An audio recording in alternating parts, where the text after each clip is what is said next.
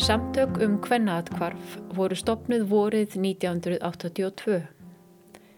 Kvennaatkvarfið er heimili um stundarsakir, atkvarf fyrir konur og börn sem ekki geta búið heima hjá sér sögum ofbeldis.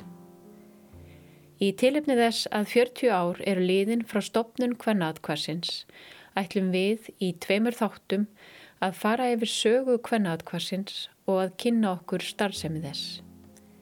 Ég heiti Melkorka Ólafsdóttir og mun fylgja ykkur spölinn. Þurfti að svona grassera svolítið þáttinn tíma svo sem betur fyrir kemur á svona punkti að segja, nú bara hættum við að tala um þetta, bara gerum við þetta og það var gerð. Í þessum fyrir þætti af tveimur hittum við Elisabetu Gunnarsdóttur, baráttu konu og kennara, sem var einn þeirra sem stóðu að stopnun Kvennaatkvassins árið 1982. Við heyrum líka í Guðrunu Jónsdóttur sem starfað hefur í þessum málaflokki í áratugi. Aug þess reyfjum við upp fréttir og umfjöllun frá upphafsárum Kvennaatkvassins. Við heyrum brot úr viðtali við eina fyrstu dvalarkonu atkvassins og kynnum staðins tíðrandanum þegar þessari mikilvægu starfsemi var hreint af stað. Já, ég heiti Elisabeth Gunnarsdóttir og ég kem þannig að hvenna að hvers málum að ég er úr Rauðsokkonum og eh, hér á Íslanda alveg eins og annar staður á Vesturlundum þegar þessi hvenna atkværu voru opnið þá voru það konur úr róttökarhefingunum sem eh, fara af stað svona um 1970 fyrsta nútíma kvennaðkvarfið er opnað í London 1973. Síðan voru svona atkvarf opnuð hérna í Londonum í kring, til dæmis Stannerhúsið í Kaupmannöfn og þær voru til til að snemma í Oslo. Hér er koma konur sem voru úr auðsokkunum og aðra svona kvennendakonur á þessum tíma. Það hefur bara sko svo erfitt að kannski að gera fólki sem ekki mann þessa tíma grein fyrir þessu öllu saman vegna þess að það hefur breyst svo ofboslega mikið á þessum 40 árum.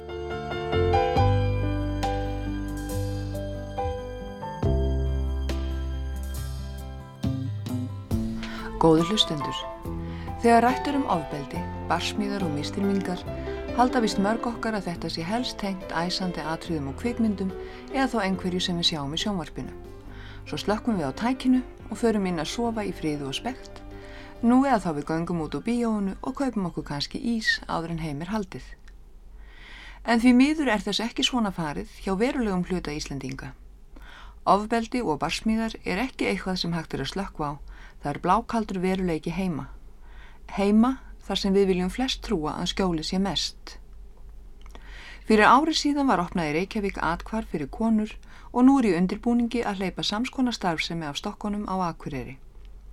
Þessar staðrindir tala sínu máli um ástandið á mörgum heimilum.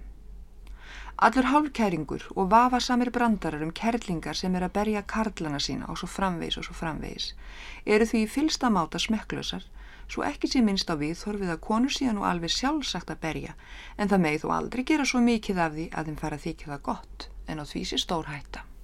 Hér heyrðum við kynningu Helgu Ágústóttur útaskonu úr þætti um fjölskyldumál í upphafi ásins 1984, rúmu ári eftir að kvennaatkvarfið var opnað. Við heyrum fleiri brotur þessum þætti síðar en orð Helgu endur spekla um margt orðræðuna í þessu málaflokki eins og hún var fyrir 40 árum síðan. En til þess að við getum áttað okkur almenlega á andrumsloftinu sem ríkti í upphafi 8. áratugurins er nöðsynlegt að fara nokkur ár aftar í tíman því saga atkvarsins fléttast við sögu kvennarheyfingana sem höfðu verið ábyrrandi bæði hjælendis og ellendis á sjönda áratögnum. Sá áratugur hefur gertna verið kallaður áratugur kvenna og önnur bylgja kvennarheyfinga eða feminisma. Grípum niður í grein Gunnhildar Sigur Hansdóttur um stopnun kvennaatkvarsins úr fyrsta tölublaði tímaritsins Sagna. Almenn virðindurvakning um stöðu kvenna og þrýstingur alþjóðlegu kvennarhefingarinnar höfðu áhrif á stefnumótun yfirvalda. Árið 1979 samþykti allsræðarþingið kvennasáttmála saminuðu þjóðana sem var tímamóta skjál í baráttunni fyrir réttindum kvenna. Þar var ekki talað um heimilisofbeldi beinum orðum en þó hvaðið ákveðin tón sem var tímanlust skref í rétta átt. Í 50 grein sáttmálans kemur til dæmis fram Aðildaríkin skulu gera allar viðegandi ráðstafanir til að breyta félagslegum og menningarlegum hegðunavennjum karla og kvenna með það fyrir augum að takast megi að uppræta fordóma og vennjur sem byggjast á hugmyndinni um vanmátt eða ofurmátt annars hvors kynsins eða viðteknum hlutverkum karla og kvenna. Kvennarhefingin á Íslandi hafði áhrif á yfirvöld hér líkt og kvennarhefingar annar staðar í hinnum vestræna heimi. Rauðsokkarhefingin og fleiri kvennréttindarhefingar tóku meðal annars virkan þátt í umræðum um hinn ímsumál og komu mörgum þeirra á kortið eins og dagvistunamálum, launamálum, fóstureyðingalögjöf og fleiru. Hópur kvenna sem sumar höfðu tengsl við Rauðsokkarhefinguna undirbjó kvennaframbóð til borgastjórnarkostninga í Reykjavík vorið 1982. Það var hugur í konum og meðbyr í samfélaginu sem hvernarhefingin nýtti sér til þess að koma mikilvægum málefnum á framfæri. Meðal þeirra var stopnun hvernaatkvarsins. Við heyrum aftur í Elisabetu Gunnarsdóttur. Þessar eh, sko, viðhórsbreytinga sem á, orði hafa hjá konum, hvort sem það voru í einhverjum svona samtökum eins og rauðsokkonum eða svo er koma hvernaframbóði eða það voru róttökarkonu líka innan hvernreittifélagsins eh, og uh, þessi hópar er ekkert að svo það er ekki svo auðvilt að þakka niður í þeim. Það síndi sig nú. Og þegar na, er til dæmis eins og ég nefndi áðan að þeir hefði Bjartvirsdóttir uh, forman stórs kvenna verkalýsfélags en þau voru til á þessum tíma og var búin að halda ræðina frægu 1975 á torkinu þá er svolítið erfitt að snúa skegn þannig persónu.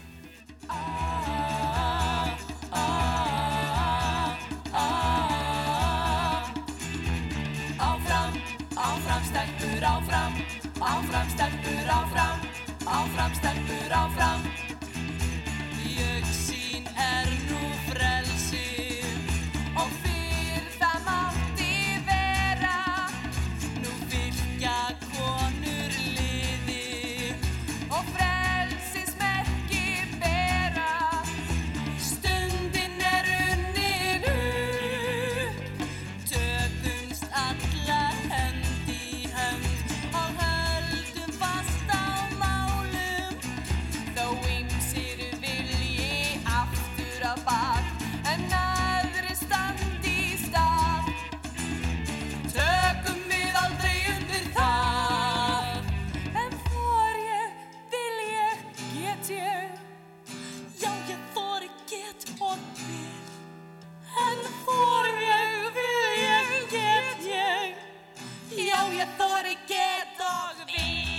Þetta var á þessum tíma þegar það persónulega var pólitíst, þegar konur settu sín eigin persónulega líf í samfélagslegt samhengi.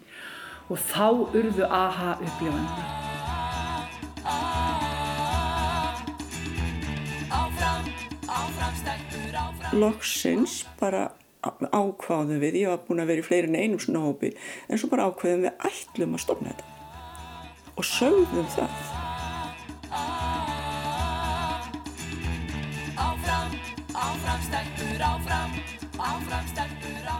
Við erum að, höfum fyrst og fremst verið að undibúa þennan stoppfund sem verður í kvöld á Hotel Esju og erum ekki komnar mikið lengra en það. Hefur orðið við mikinn áhuga hjá konum? Já, við höfum orðið varar við mikið áhuga í, og það um nokkuð ára bil. Hvernig hugsið ykkur að fjárhagslegu grundvöldur þessir starfsemi verði? Við húsum okkur að leita til ríkis og sveitarfélaga fyrst og fremst og einnig til félagsamtaka og einstaklinga. Hefur nokkur svona staður verið til áður? Nei, það hefur ekki verið til hvenna atkvar hér á landi áður. Eh, Það er vitað að konur eh, í neyð, þær hafa leitað til ímins aðila eins og félagseinstæðra foreldra, félagsmálastofnar Reykjavíkuborgar, vendar og S.A.A. En það hafi engin úræði verið akkurat fyrir konur sem að verða fyrir ábelda á heimilinu sínum. Er þetta hugsa sem bara að hvarfi stuttan tíma eða verður konunu hjálpað meira til dæmis til að fá vinnu og ýmislegt þess aftar? Hvenna atkvarfi verður fyrst og fremst atkvarfi stuttan tíma en eh, við höldum að við þurfum einnig að stiðja konuna til að leita sér sjálfar aðstöðar og við leggjum miklu áherslu á það að þarna verði um að ræða hjálp til sjálfsbjörgar. Hér heyrðum við frétta einskott frá stoppdegi samtaka um kvennaðatkvarf annan júni árið 1982. Guðrún Kristinsdóttir, einn talskona samtakana, sagði frá stopnuninni og stoppfundinum sem haldin var síðar um kvöldið. En hvernig fór stoppfundur samtaka um kvennaðatkvarf fram? Elisabeth Gunnarsdóttir rivjar það upp fyrir okkur. Hann var haldin upp á Hotel Esjum í stærsta sál sem var stækkaður og sprakk. Og það var sko byðraðir að skrifa sig sem líka stoppfélaga og ef einhvern á þessum fundi hefði langað til þess að vera með einhver andmæli við þessu þá var það bara ekki alveg tægt. Þó svo stopnun samtaka um hvennaatkvarf hafi farið fram um svipaleiti og hvenna frambóðið í Reykjavík var meðutund hjá þeim konum sem stóðu að hvenna atkvarfinu um að tengja ekki atkvarfið við frambóðið. Mikið vægt þótti að málefnið höfðaði til hvenna óhátt personlegum eða pólitískum skoðunum og fældi engar konur frá. Aðstandendur hvenna atkvarsins lögðu því áherslu á að sína breytti þeim hópi sem fór fyrir samtökunum. Já, lík, ekki bara öllum flokkum, þetta líka öllum aldri og við passuðum til dæmis það þegar við bóðum til bladamannafundar um að það ætti að vera stoppfundur samtakana þá passuðum við upp á það að á myndinu voru konur á mjög ólíkum aldri mm. og, og, og reyndar úr fleiri flokkum með einum og sumar engum. Það síndi sig líka sko að því að þetta er ekkert stjettbundið Nei. og það síndi sig mjög fljótt að það komu konur úr svo ímsum áttum Á stopnfundi samtaka um kvennaatkvarf fyltist stæsti salur Hótel Esju, mestmægnis af konum. Þar voru vingvennahópar en líka konur sem mættu einar. Þar voru mæðgur og jafnvel fleiri kynsluðir saman. Á fundinum fluttu nokkrir kvennskurungar erindi og kynntu hugmyndafræði samtakana. Það er Álfeyður Ingadóttir, Ástís Ragnar, Guðrún Kristinsdóttir og Hildegunur Ólafsdóttir. Ákveði var að innra starf samtakana skildi hafa svo kallað flatt skipulag, þannig að starfseminn færða mestuleiti fram innan starfshópa í stað þessa samtökunum yrði stjórnað að ofan. Þetta var í samræmi við áherslur kvennarheyfingana um að útrýma karlægu skipulagi þar sem konur fengu ekki völd. Það var gengið frá öllu löglögu, stopnun, skipaður undirbúnshópur og fólk skráð annars vegar í samtökin og hins vegar til þess að vinna að fá húsnæði og að ganga svo frá því og ná í peninga. Og eh, á þessum tíma sko þá eru stígamót ekki til. Þau komu setna þannig að við vorum með sko annars vegar heimilsopildi og hins vegar nöðgun sem er náttúrulega enn núna inni en þurfti meira á að halda á þessum tíma vegna þess að stigamótin voru ekki komin. Og það var, það var líka sagt að við værum að fara að opna þetta. Það er því á næstu mánuðum. Þetta var ekkert svona að þetta var einhver fremtíð að sín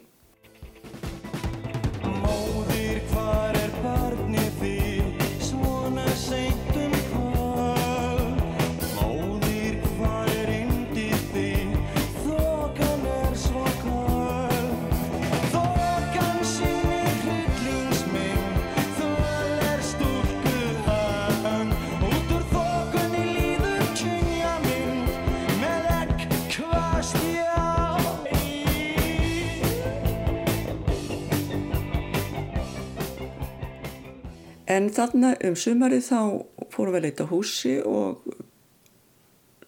uh, það var stórfyrirtæki bænum sem bara liti okkur fá lítið timburhús og hann á Littargötu og Frakastígum. Það má segja frá þessu núna og uh, síðan bara fór hópur hvenna að pussa og mála og svo ná, voru bara góðir rafvirkjar og píparar sem kom og unnu þarna og þau unnu líka ekki eitt sömu menninir endilega ef eins og einhver einn sem unnu líka þegar við gerðum næsta hús upp og uh, þetta var svo op opnuðu svo 7. desember 82 Konur eru þegar farnar að leita til hvenna atkvarfsins sem var opnað í Reykjavík í morgun og hafa mikið spurt um starfsemina þar. Samtökum hvenna atkvarf fengu hingað breska konu Kathy Roberts til að gefa góð ráð nú þegar starfsemin er að hefjast. Kathy hefur unnið að þessum málum í nokkur ár, bæði í Breitlandi og í Bandaríkjónum. Katrín Pálsdóttir fréttamaður talaði við hana í dag.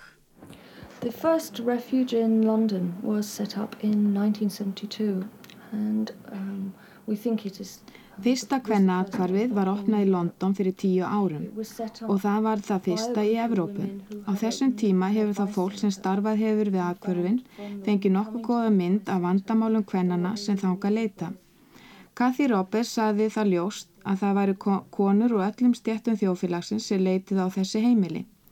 Fyrst í stað hefði Ímsir haldið því fram að ofbeld á heimilum væri algengara hjá þeim sem efna minni væru en það væri alls ekki raunin. Þetta geti komið fyrir í hverri fjölskyldu. Kathy Roberts sagði að eftir þá reynslu sem nú hefði fengist síndi sér að konur sem væri algjörlega háðar eigimennu sínu fjárhastlega yrðu frekar fyrir ofbeldi að þeirra hálfu. Konur sem væri fjárhastlega sjálfstæðar leituðu síður eftir aðstóð. Áður en umræða um þessi mál varði eins almenn og raunber vittni reyndu konur að leina þessu eftir mætti, saði Kathy. Þetta var mikið feimnismál sem haldi var lengtu í lengstu lög. Einni er það ljóst að börni reyna hilmi við þessi mál en þau líða oft á tíðum mikla sálakvalir þeirra vegna. Oft er því haldið fram að áfengi eigi sem þátt í ofbeld á heimilum en að sög Kathy Roberts sína rannsóknir sem gerðar hafa verið að það er alls ekki raunin. Í meirinn helming tilfella er það ekki með í spilinu. Þegar um það er að ræða er það nota sem afsökun en vandin liggur annar staðar. Þegar Kathy var spurða því hvort þörfin fyrir hvenna atkvar væri eins brín í litlum samfélögum og í þeim stóru, sað hún það hafa komið á daginn. Það er starrend, sagði hún, að konu leita síðast til nánustu ættingja með svona vandamál. Þær kjósa fremur að leita til óviðkomandi, sérstaklega til þeirra sem þekkja vandan og geta kannski bent á leiðir til lausnar. Katrín Pálsdóttir saði frá. Aðstændendur samtaka um kvennaatkvarf voru meðvitaður um mikilvægi samvinnu við þá aðila í samfélaginu sem komið hefðu og koma enn að heimilsóbeldismálum. Þessi samvinna var einsikluð nokkrum dögum áður en kvennaatkvarfið var opnað. Þá vorum við fund á Hotel Borg og sögðum operlega aftur frá svona, skilmækilega frá þessu hvað við vorum að gera og þá fengum við yfir lörgli þjónin í Reykjavík lækni og prest þrjá kalla og svo félagsáðgjafa og konur og, og svo vorum við náttúrulega.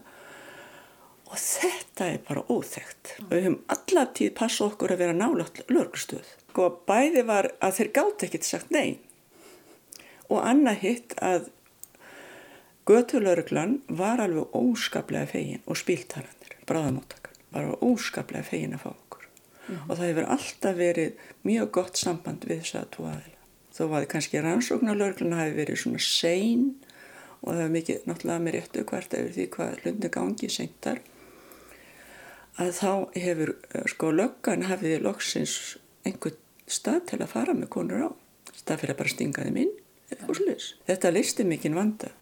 Formi og aðdraganda heimilisofbeldis má oft lýsa sem ákveðnum ofbeldisring. Þar sem spennan á heimilinu magnast upp í ákveðin tíma og endar með einhvers konar sprengingu. Við það fellur allt í dún og þá taka gjarnan við svo kallar kveitibröðsdagar. Þar sem gerandin breytir hátterni sínu með miklu skjalli og gillibóðum eða hótunum. Þessi ofbeldisringur skapar ákveðin vandamál fyrir viðbræðsaðila því eftir að hjálpar kall berst rullar ofbeldisringurinn aftur á stað og gerendur leggja sér fram við að ná þólendum aftur til sín með góðu eða slæmu. Hér lýsir Hallvarður Einvarðsson, þáverandi rannsóknar lauruglustjóri, þessu vandamáli frá sjónarhortni rannsóknar lauruglunar árið 1984 í viðtali við Marjánu Friðjónsdóttur. Er ansvonarlaurugla, nú er það vafalust sjaldan sem að konur kæra makasinn eða sambilismann fyrir slikt atverðli? Já, það er nú tilturlega sjálfgefn kæru efni en þó kemur það fyrir að, að haft er samband við okkur og við verðum þess áskinja að erfileikar og vandraði eru enda þótt að bein kæra sér ekki borin fram og þessir erfileikar eru rættir við þá eða þær sem að þar eiga hlutamáli en af eðlugum ástæðum þá ná þar nú lít fram. En þó er þess nú dæmi. Og við vita gildi alveg vennulega reglur um, um það að því varðar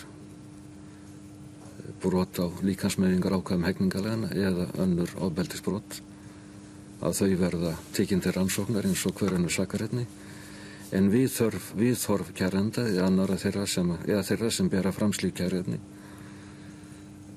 það er mjög líklegt að þau kunna breytast mjög fljóðlega í farfi í rannsóknarinnar og hafa áhrif á framgang þess bæð á rannsóknuvald og ákjörvald og ef að þær mæti ekki til frekari skíslugjafar eða ger ekki frekari reka málunu þá auðvitað nær það ekki lengra. Það úræðaleysi sem rannsóknarlauruglan stóð frammi fyrir hefur sem betur fyrir batnað frá því að viðtalið við Hallvarð var tekið árið 84. Heyrum aftur í Elisabetu Gunnarsdóttur. Það hefur breyst svo ofboslega mikið á þessum 40 árum. Til dæmis í gerðkveldi heyrði ég þátt frá BBC World Service þar sem hefur gert út lið til Íslands til að skoða samvinnu lögröglu og fjarlags að fólk frá félagsmálastofnun og öðru slíku mm -hmm. hvernig brúðist er við heimlisábeld á Íslandi mm -hmm. og sagt þetta er fólkið sem þeir eru búin að taka upp í Svíþjóð og Gríklandi og, og þegar þeir eru fólk á leiðinni frá öðrum löndun til að skoða þetta. Elisabeth er hér að vísa í nýtt verklag lauruglu og félagsmála yfirvalda sem fyrst var tekið upp árið 2013 og hefur verið kallað höldum glugganum opnum. Verklaði byggir á vittnesku um eðli ábeldisringsins sem enginnir heimilsóbeldi. Laurugla og félagsmála yfirvöld bregðast samtaka og hratt við á þeirri stundu sem hjálpar kall berst eða innan 24 klukkustunda. Þannig geta allir aðilar strax sapnað raungögnum, hafið úrvinnslu málsins og minka þannig líkurnar á að þólandin sógist aftur inn í óbeldisringin án þess að eiga kost á stuðningi til viðspyrnu. Þessi breyting á verklagi hefur skilað miklum árangri og vakið aðtikli út fyrir landsteinuna.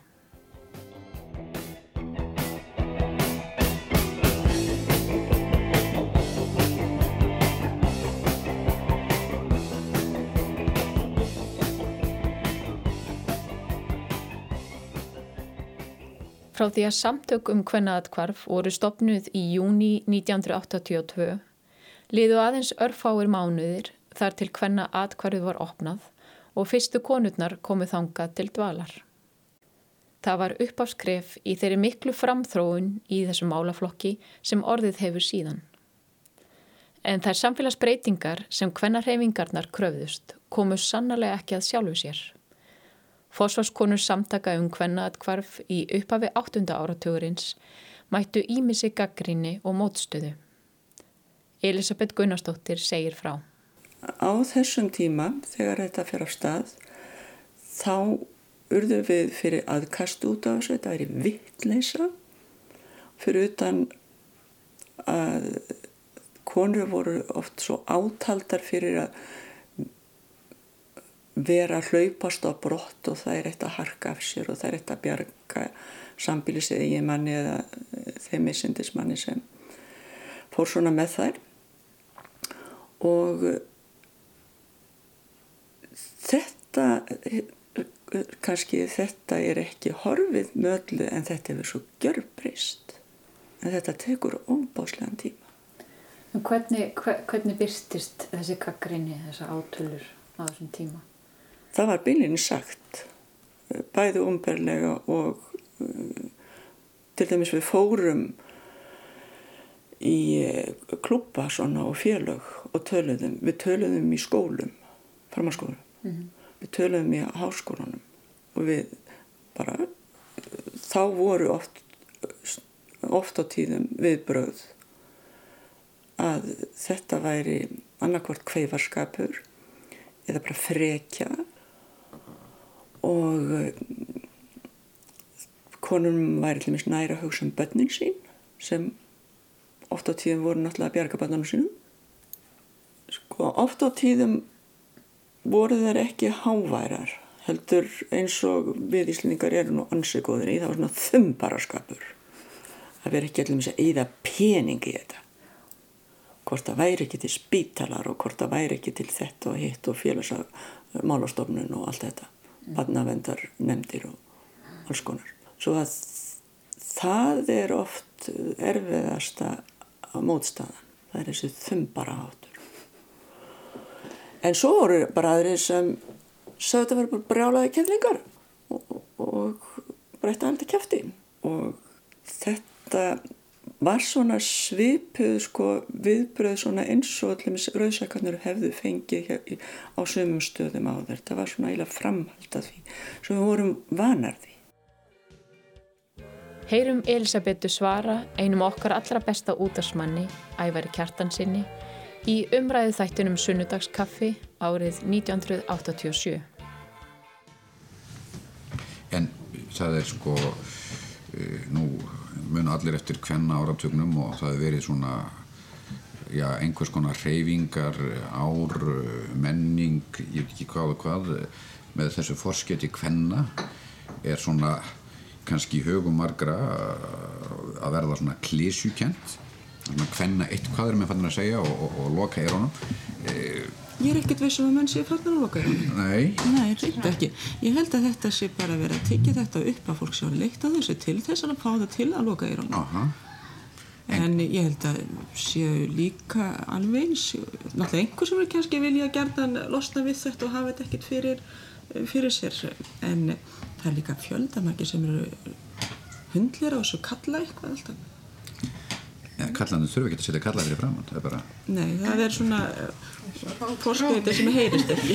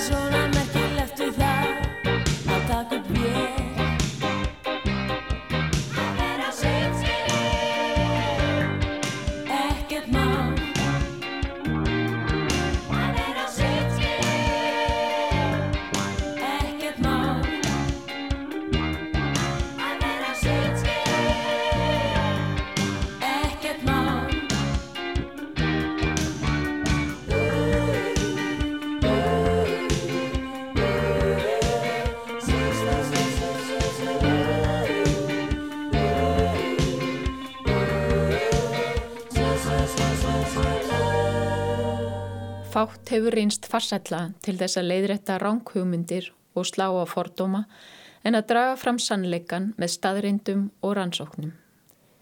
Í nágrannalöndum okkar hófst undirbúningur að stopnum hvernaatkvarfa gerðnan með því að gerða rannsókn á útbreyðslu heimilsópeldis.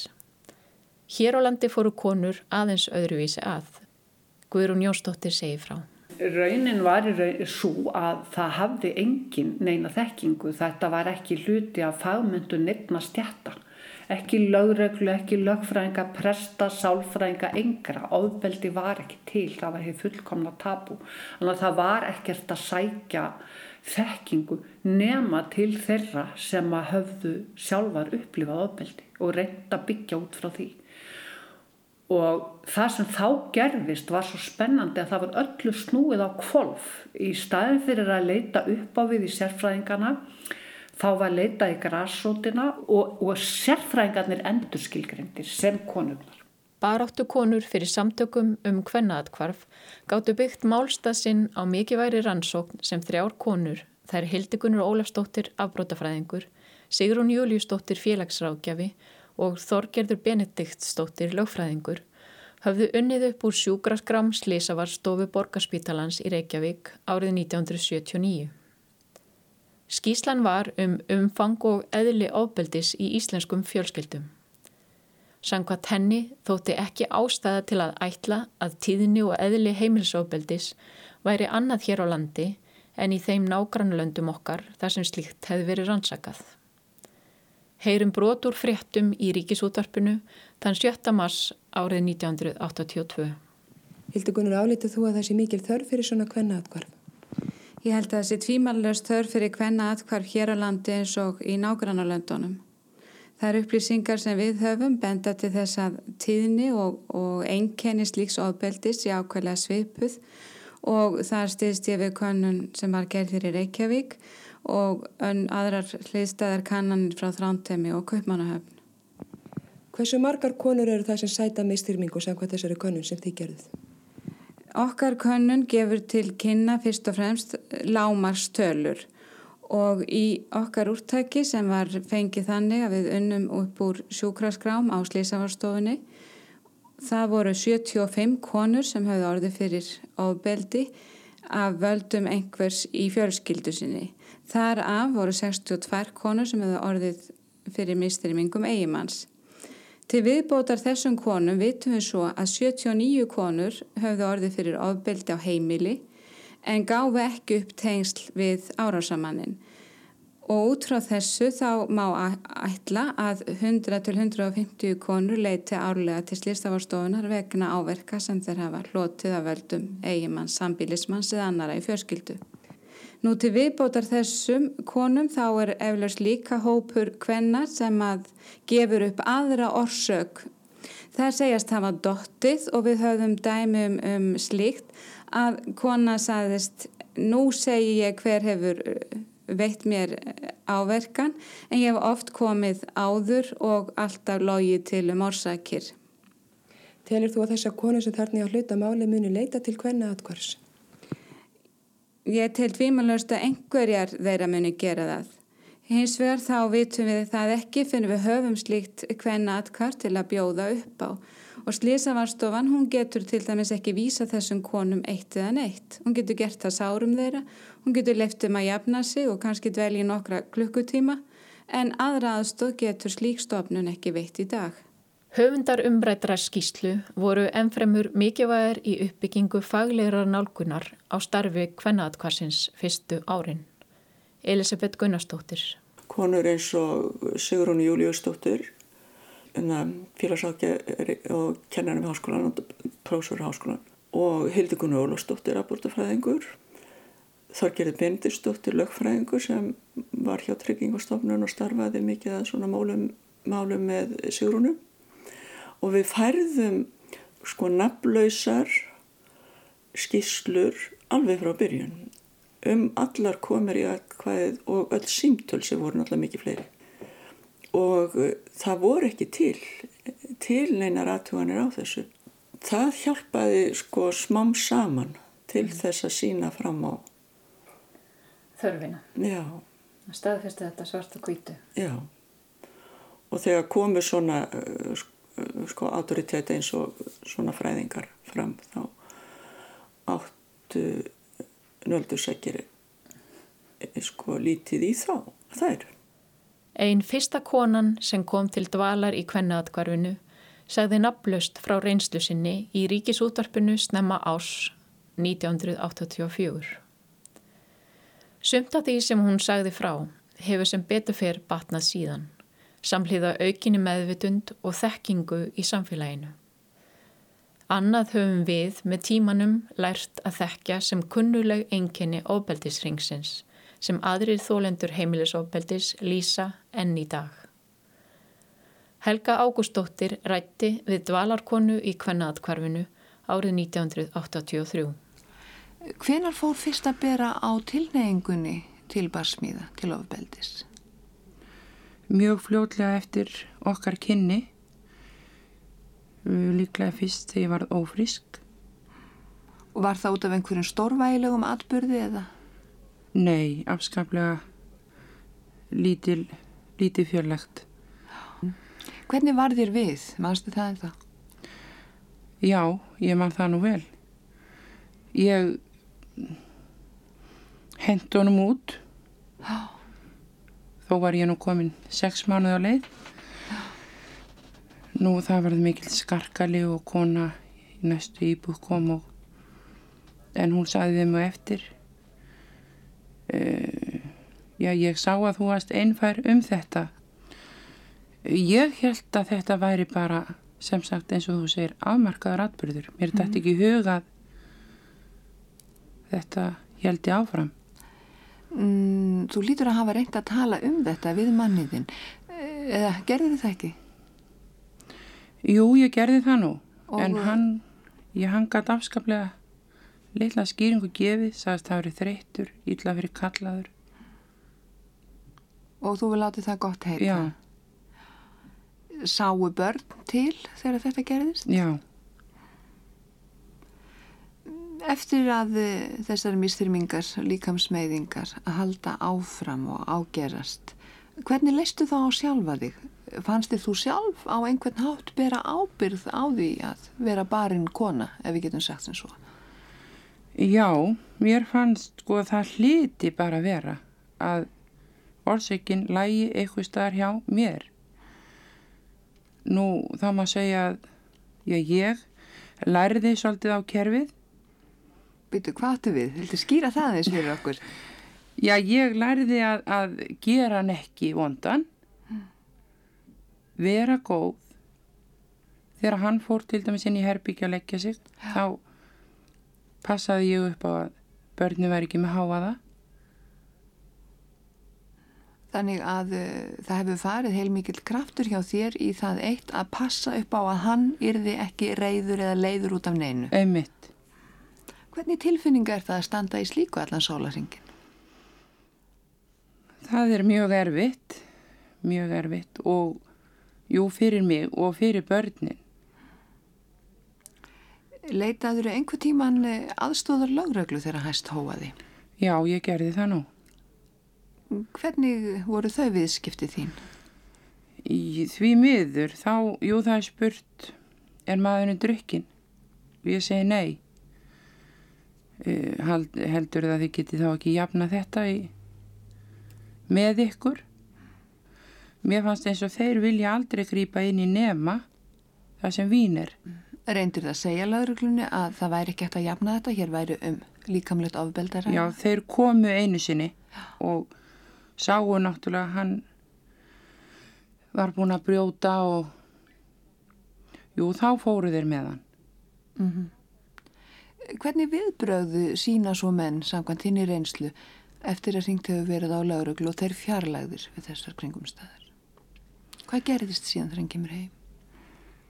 Minn maður kom heim niðurbrotin en hann sagði mér að ef ég leti hýrðan aftur þá Þá hvað? Já, þá vissi ég alveg hvað, hann þurfti ekkert að segja það Uh, mér finnst þú verið að segja mér núna að þá hafa hann hótað að drepa þig. Já, já. Nú, segðu mér eitt, áttir þetta einhverja trúnaðarvini eða þekktur einhverja konur sem eftir voru í sömu spórum, einhvern sem þú gast talað um þetta ástand við? Ekki þar sem ég var staðsett, ég talaði um þetta við skildfólk mannsins minns. Og hvernig tók það þessu? Mjög illa. Uh, það, trúði mér, það trúði mér ekki. Nú og svo kom líka, um, gerir þú ekki eitthvað? Ert ekki að reyta hann til reyði? Fannst þér það þá álíta jafnvel að það væri allt í lagi að hann lemdi þig ef þú væri að reyta hann til reyði? Já. Segðu mér, hvað allir því að þú ákvaðst allt í einu að nú væri nóg komið? Uh, ég var nú sérst búin að hugsa, ég var búin að vissi af hvernarkvarfinu og hugsaði með mér þarna væri mjög líklegt að ég fengi hjálp og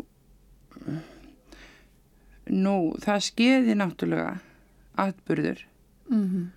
heima hjá mér það tókust á eitt barni mitt og eigimaður. Og það endaði með beinbroti á barninu mínu Já. þannig að ég tók föttin mín sett í plastboka mm -hmm. og fór með tvö yngstu börnin í hvernaatkvarfið Hefur það einhver tíma að sé eftir þeirra ákvörðum? Nei. Hildegunur Ólafsdóttir, afbrótafræðingur, flutti útaspistil um eðli ofbeldis í nánum samböndum og hlutverk hvernaatkvarsins þegar ár var liðið frá því að atkvarið var opnað. Á fyrsta starfsári hvernaatkvarsins í Reykjavík leituðu þangað um 150 konur með um 100 börn og símaðið tölvorum 350. Það eru því nálagt 500 einstaklingar sem á einhvern nátt hafa notað þá þjónustu sem hvenna atkvarfið í Reykjavík veitir. Að jafnaði dvöldu í atkvarfinu þrjár konur og þrjú börn. En dvöl hvennana hefur verið mislöng. Þriðjungur þeirra, og það eru helst þær sem ekki eru með börn með sér, dvaldi innan veit sólarheng, en meðal dvöl hvennana var um ein vika og barnana ein og halv vika. Þegar fyrsta starfsárið er borið sama við fyrstu ár erlendra kvennaatkvarfa, kemur það í ljós aðsóknin að kvennaatkvarfni Reykjavík er hlutvarslega meiri. Á fyrstu árum kvennaatkvarfsins í Oslo komu til dæmis um 250 konur og tæpla 100 börn en símantölinn voru mörg um 2000 meðaltali ári. Í Finnlandi komum 500 konur og 500 börn á hliðsta heimili þar í landi og fyrstu þrjá mánuði sem Danir íbúðunar í Kaupmannahöfn sem eru starrektar og svipaðanhátt komið þanga 212 konur. Það mætti við fyrstu sín ætla að ofbeldi gegn konum sem mun meira hér á landi en í nágrannarlandunum. Hinn mikla aðsók sem verið hefur að kvenna aðkunni Reykjavík þar þó ekki tákna það að hér á landi sé ofbeldi gegn konum miklu meira en í grannlandunum. Það virðist hins vegar sem kynning kvenna aðkvarsins hafi tekist hér vel Það verður orðið þekkt og konur treysta á starfsemi þess. Rúmlega tveir þriði hlutar kvennana byggi í Reykjavík en þriðjungur annar staðar og síminn þjónar að sjálfsögðu mjög mörgum utan höfuborgarsvæðisins. Ástæður þess að konur leita til kvennaatkariðsins eru margvíslegar. Áfengisnesla tengist ofbeldi hjá um það byl helming kvennana. Oftast er samt um að ræða langvarandi ofbeldi á heimili. Líkamlegir áverkar, morðhóttanir, ofbeldi gagvart börnum og andlegt ofbeldi eru meðal helstu ástæðana fyrir því að konur leita í hvenna atkvarfið. Allar erum við hérna líka vinnum við í... Það ringdi hérna símin og Elisabeth, er þetta, okkur, þetta er ekki neyðarsími, er það hvenna atkvarfsins sem ringið hérna? Nei, við erum á skrifstofu hvenna atkvarfsins og það er oft ringt hér á einsum tímum þegar við erum að halda að fundi hérna. En neyðarsímin okkar er upp í atkvarfi og honum er alltaf svarað, hann er ekki tekinn bara svona að og lagðið til hlýður. Nei, þess að við gerðum hérna þegar sími ringdi þá tók við tólið af og, og reyndar hættur að ringja núna. En samtökum hvenna atkvarf er sko það er það hefur nokkuð verið rætt um þessi samtök og dalti verið í sviðsljósunu kannski núna upp á já, núna upp á síðkastið mm. og mikið rætt um ábeld á heimilum e, er þetta er þetta liður í einhverju stærri áallunum um að bregðast gegn þetta, þessi rekstur hvenna atkvarfsins er það liður í stærri áallunum að bregðast gegn ábeld á heimilum Já, það má nú segja það að um, markmið okkar er náttúrulega að gera hvenna atkvarf óþart og við höfum ekki hugsað okkur að vera engungu slísavarnafélag þar að segja taka aðeins við eftir að, að skaðinni skeður og þess vegna höfum við starfað líka að því að, að, kom, að koma þessari umræðu út í samfélagið. Að fá fólk til að þess að tala um þetta og gefa þessum málefnum gaum. Því það hlýtur náttúrulega að vera byrjun á því að, að reyna að vinna að byggja á þessu. Og þess vegna má segja að þetta sé liður í stærri áallun en við höfum haft fullt í fangi með, því með það að reyka þetta atkvarð þessi ár sem við höfum verið með Hér rætti Elisabeth Gunnarsdóttir við Ævar Kjartansson, útvarsmann, árið 1987, fimm árum eftir að kvennaðatkvarfið var opnað. Elisabeth var einn þeirra mikilvæg á kvenna sem stóðu að stopnun samtaka um kvennaðatkvarf árið 1982 og vinna þeirra var rétt að byrja. Það voru fljótlega þá réðum við tvær sem sáum dagvaktir og sáum um svona eh, reksturinn, þú veist það var að kaupa að, mat og, og svona skipuleikja hlutinu. Annars var þetta rekið á sjálfbóðalið. Svo var það bara í ríkið og rekið okkur borg og nægurna sveitafélaginn og sagt þið að borga þetta.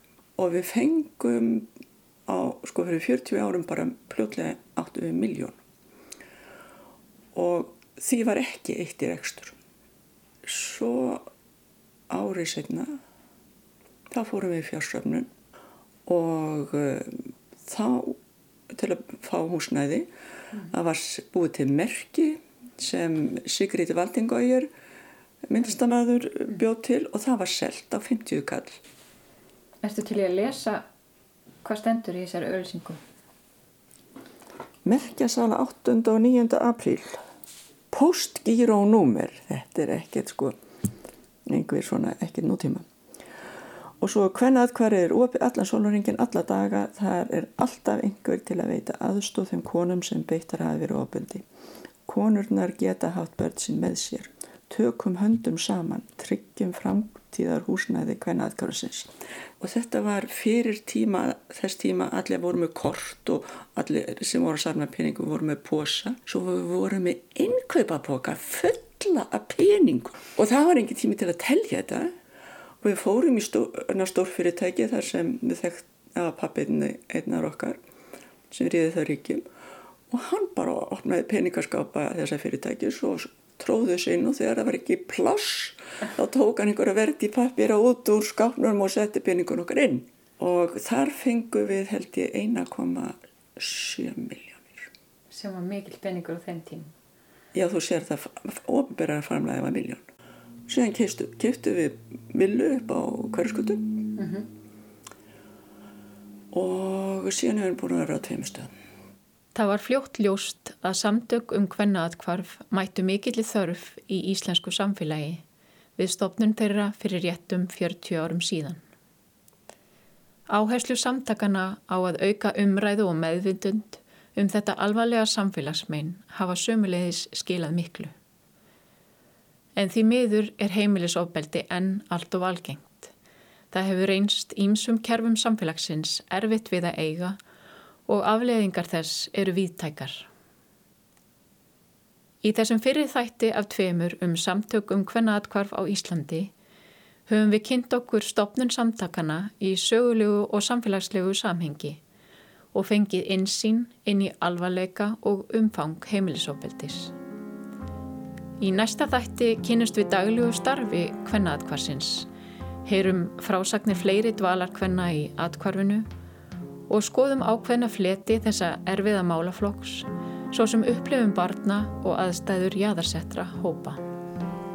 Uh, segðu mér, nú getum við vel ímyndið okkur að uh, það séu einhverja konur að hlusta á okkur sem standa núna í þessum sporum sem þú þekkir svo vel.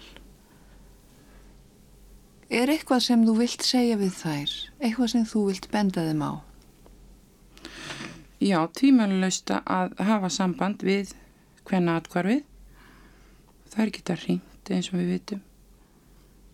Og komið. Ég, mín reynsla er alveg sérstaklega góð. Þú mælir sem sagt ekki með því að við sitjum og lokum þetta inni og höldum áfram að fela? Alls ekki. Ég hef búin að sjá, sjá dæmið þess að það mega konur alls ekki gera. Og þá erum við komin að leiðarlokum að þessu sinni. Ekki er að Eva að ímsa spurningar hafa vaknað sem ekki hefur verið svarað, en vonandi erum við þó nokkru nær um þær staðrindir sem við vikja líkamlegu afbeldi á heimilum. Engverju kunna að kvá og segja, ha, vonandi, er ekki best að vita sem minnst að svona löguðu?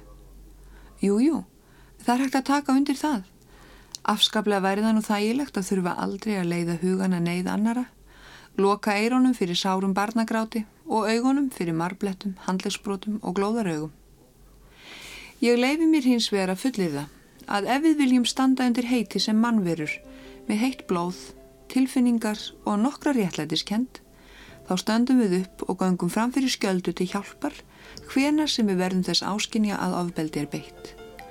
Það er sameiginleg ábyrð okkar og siðferðileg skilda að rétta fram hendina af hlýju og einurð.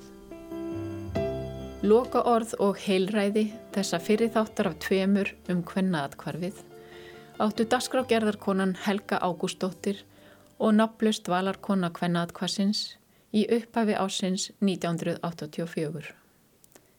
Ég takka ykkur, kæru lustendur, að sinni.